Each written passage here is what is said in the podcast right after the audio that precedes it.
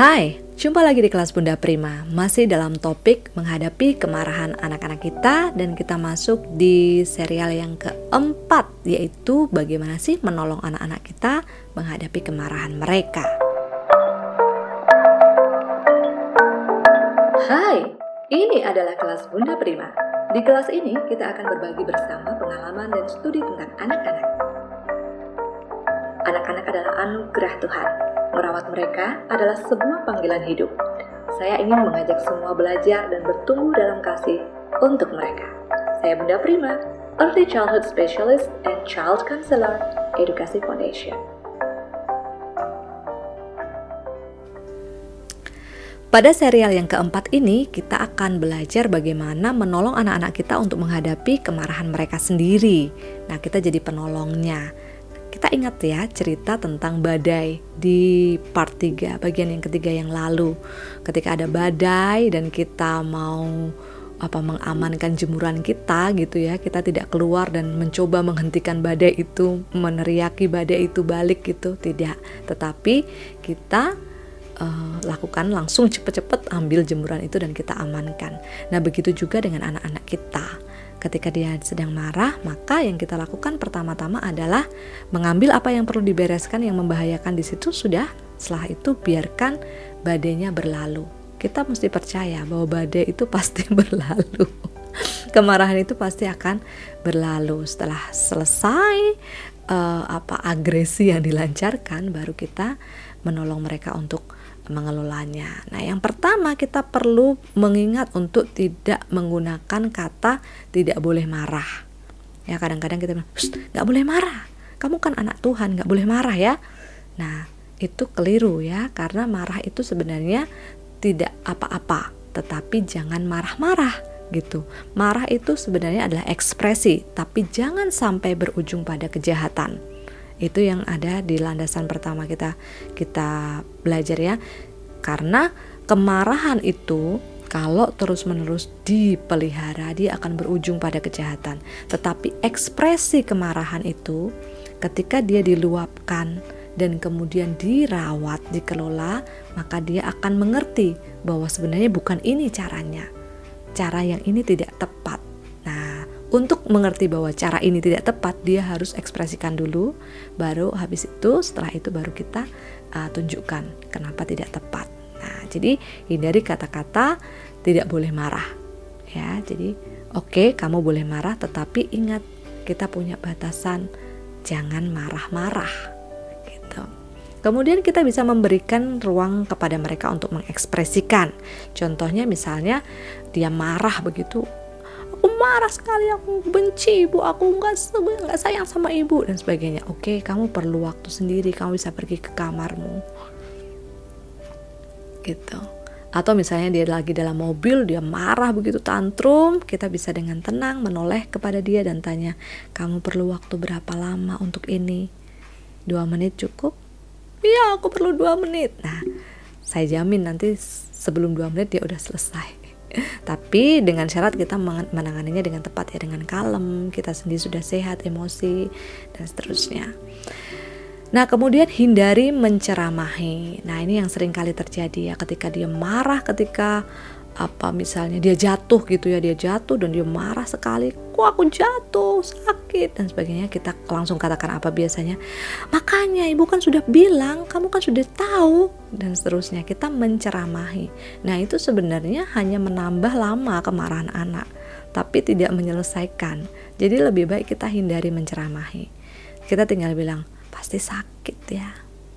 Oke nanti kita akan bicara tapi kita obatin dulu sakitnya ya jadi kita tunda bagian kita memberikan pelajaran sampai badainya selesai. Kayak tadi ya, badai kalau kita amukin ya, kita ceramahin dia nggak akan berhenti. Tapi tunggu sampai dia selesai, baru kita beresin kotoran-kotorannya, serpihan-serpihan, uh, pecahan-pecahan yang ada gitu. Kemudian kita bisa menunjukkan empati. Ya, aku tahu rasanya kok. Aku juga pernah seperti itu kalau kamu mau perlu waktu so ambil waktunya am, masuk aja ke kamar dan kamu bisa renungkan Nah, biasanya saya lakukan itu juga ya. Atau saya tawarkan diri, kamu mau aku temanin di sini atau kamu mau aku di luar? Di luar dulu gitu. Tapi nggak lama, sebelum satu menit nanti dia keluar langsung bilang, aku mau ditemenin. nah itu menolong sekali ya karena uh, menunjukkan relasi kita dengan dia. Nah, kemudian kita mesti tahu bahwa yang mereka katakan di dalam amarah mereka itu tidak selalu benar. Biasanya yang sering disebut adalah aku benci ayah, aku nggak suka sama ibu. Nah itu jangan dimasukkan di dalam hati karena itu biasanya tidak benar. Mereka tidak bisa mencari kata-kata lain dan itu kata-kata yang mereka tahu uh, paling bisa diekspresikan ketika mereka marah. Jadi mereka ambil aja kata-kata yang paling simple dan terkesan paling menyakitkan. itu. Tapi jangan dimasukkan dalam hati karena itu tidak terolah dan tidak terproses dalam diri mereka. Itu bagian dari perilaku mereka bukan bagian dari uh, apa yang ada dalam akarnya. Nah akarnya ini yang paling penting nanti kita cari cari tahu. Nah yang selanjutnya adalah kita belajar untuk masuk ke masa lalu anak. Dia punya trauma apa sebenarnya di masa lalu tentang hal itu? Sampai dia bisa marah begini ya. Ada yang saya cerita tentang uh, berenang itu ya. Setiap kali uh, diajak uh, ke kolam renang ketika harus ber, berrelasi dengan orang lain begitu ya atau melihat orang lain belajar berenang uh, anak ini langsung ini ya langsung seperti kaku kemudian marah dia pengen pengen cepat-cepat keluar pindah ke kolam yang lain begitu karena ternyata dia punya trauma terhadap pelatih renang yang memaksa dia untuk uh, empat putaran padahal sudah dijanjikan dua putaran nah kita perlu tahu masa masa lalunya dia apa apa yang jadi akar dari kemarahannya dia itu. Kita juga bisa lihat dari daftar faktor internal dan eksternal. Kita sudah belajar di uh, bagian yang sebelumnya supaya kita melihat ini sebenarnya marahnya karena apa. Ya, kemudian kita tetap calm ya. Di dalam kemarahan yang seberapa besar pun, ingat sebelum badainya reda, kita tidak boleh menambahin badai itu. Jadi kita kalem aja terus sampai badai itu mereda. Kita bisa peluk dia, puk-puk dia, bisa temenin aja dengan diem aja, bisa mungkin ikut menangis bersama dengan dia, asal jangan menambahkan badai karena tidak akan mengubah apa pun. Waktu kita calm, kita akan bisa lihat akar masalahnya itu sebenarnya di mana. Nah, kemudian dengarkan apa yang sedang terjadi dalam diri anak. Nah, ini perlu kesungguhan ya, mendengarkan apa yang sebenarnya terjadi dalam diri anak. Jangan menebak-nebak berdasarkan pikiran kita sendiri. Contoh, ya anak itu sudah dikasih tahu um, jangan mainan di atas motor tetapi dia mainan di atas motor sehingga dia jatuh dan dia marah karena dia sakit kan mesti menanggung sakit dia marah sekali. Kenapa kok motornya ada di sini dan sebagainya? Nah kita coba dengarkan. Dari kemarahan itu sebenarnya apa yang tersimpan di dalam hatinya? Apakah dia menginginkan bahwa ketika dia bermain motor kita ada eh bermain di atas sepeda motor dia ingin kita sebenarnya ada di sana di dekat dia? Atau pada saat dia bermain di atas sepeda motor, dia sebenarnya ingin kita itu menemani dia gitu di atas sepeda motor itu juga sehingga dia merasa aman.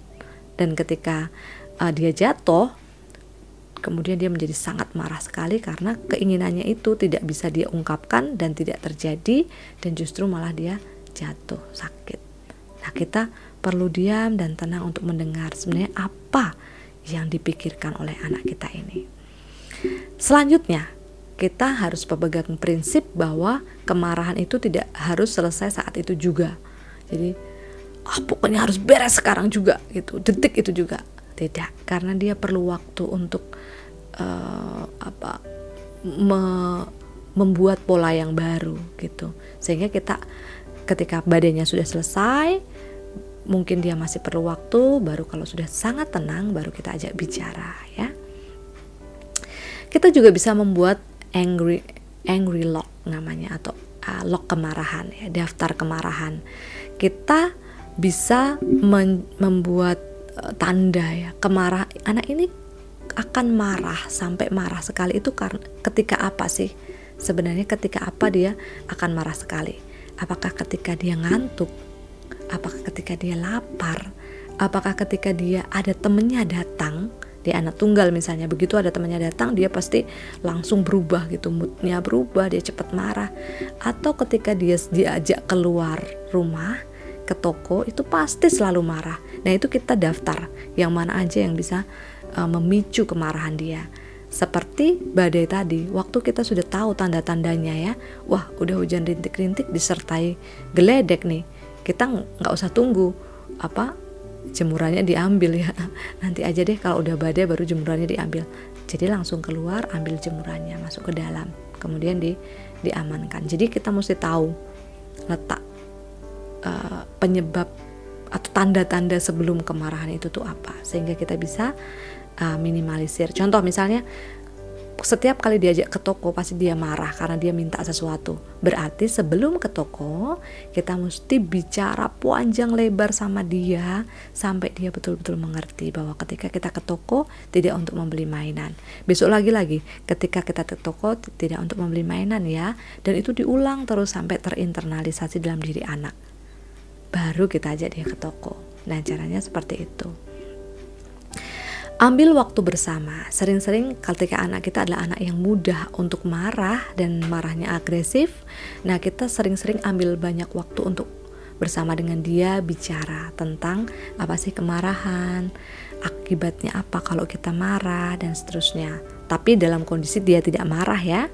Jadi ambil waktu untuk having fun sama dia dan ngobrol. Kemudian kita perlu membuat list statement of love atau pernyataan cinta kita pada dia waktu dia marah. Contoh, meskipun kamu marah, aku tetap akan di sini nemenin kamu. Meskipun kamu sekarang marah seperti itu, aku tetap sangat mencintaimu. Meskipun kamu marah, aku tetap ibumu yang sangat sayang padamu. Nah, bukan sebaliknya. Biasanya kalau kita, kalau kamu marah-marah, kita nggak bisa temenan lagi ibu nggak mau jadi ibu kamu lagi. Nah jangan. Justru kita lakukan sebaliknya. Karena apa? Karena itu yang akan dikopi sama anak kita nanti. Dan kemudian e, buat batasan ya. Seperti tadi ya. Sehingga batasan ini akan terus kita bisa pakai untuk mengingatkan. Tidak dalam kondisi marah ya. Ini dalam kondisi normal. Kita tulis di mana aja kita bisa tempel. Boleh marah tapi tidak boleh marah-marah marah hanya karena sesuatu yang tidak benar, bukan karena sesuatu yang kita sangat inginkan. Nah, itu terus narasi ini terus-menerus kita kasih tahu ke anaknya. Dasar ini, prinsip ini kita kasih tahu ke anaknya. Jadi begitu dia marah-marah, kita ingatkan, "Upsi, kita sudah punya peraturan bahwa kita boleh marah tetapi tidak marah-marah." Sebelum dia marah kita sudah ngomong itu dulu. Dan yang terakhir adalah reflective listening atau mendengar dengan reflektif. Ketika kita mendengar, kita biasanya dengerin terus kita berpikir caranya apa gimana untuk menjawab dia. Nah, tidak perlu. Di dalam kemarahan, anak tidak membutuhkan jawaban. Nanti menjawab, menjelaskan, menerangkan itu nanti ketika badai sudah usai. Jadi kita dengarkan secara reflektif. Reflektif itu seperti cermin, seperti kita menjadi cermin dari anak itu. Contohnya ketika dia, aku marah karena kenapa kok uh, ibu nggak jadi masak buat aku hari ini? Oke, jadi kamu marah karena ibu nggak jadi masak buat kamu ya? Oke, aku ngerti. Iya, karena aku sudah pengen banget dimasakin sup, tapi ibu nggak jadi masak Oke, aku paham kamu pasti pengen banget masak sup. Kamu udah pikirkan itu, tapi ibu nggak jadi masak dan itu membuat kamu marah. Nah, jadi kita merefleksikan apa yang anak ini pikirkan. Dengan demikian dia merasa bahwa apa yang dia rasakan itu sesuatu yang diterima. Dan dia belajar untuk mengkopi apa yang kita lakukan sehingga suatu saat pola yang dia keluarkan pada saat marah adalah bukan pola dia marah yang lama, tetapi adalah pola yang lebih sehat yang dia tiru, yang dia copy dari teknik yang kita terapkan pada diri kita sendiri saat menghadapi kemarahan anak-anak kita.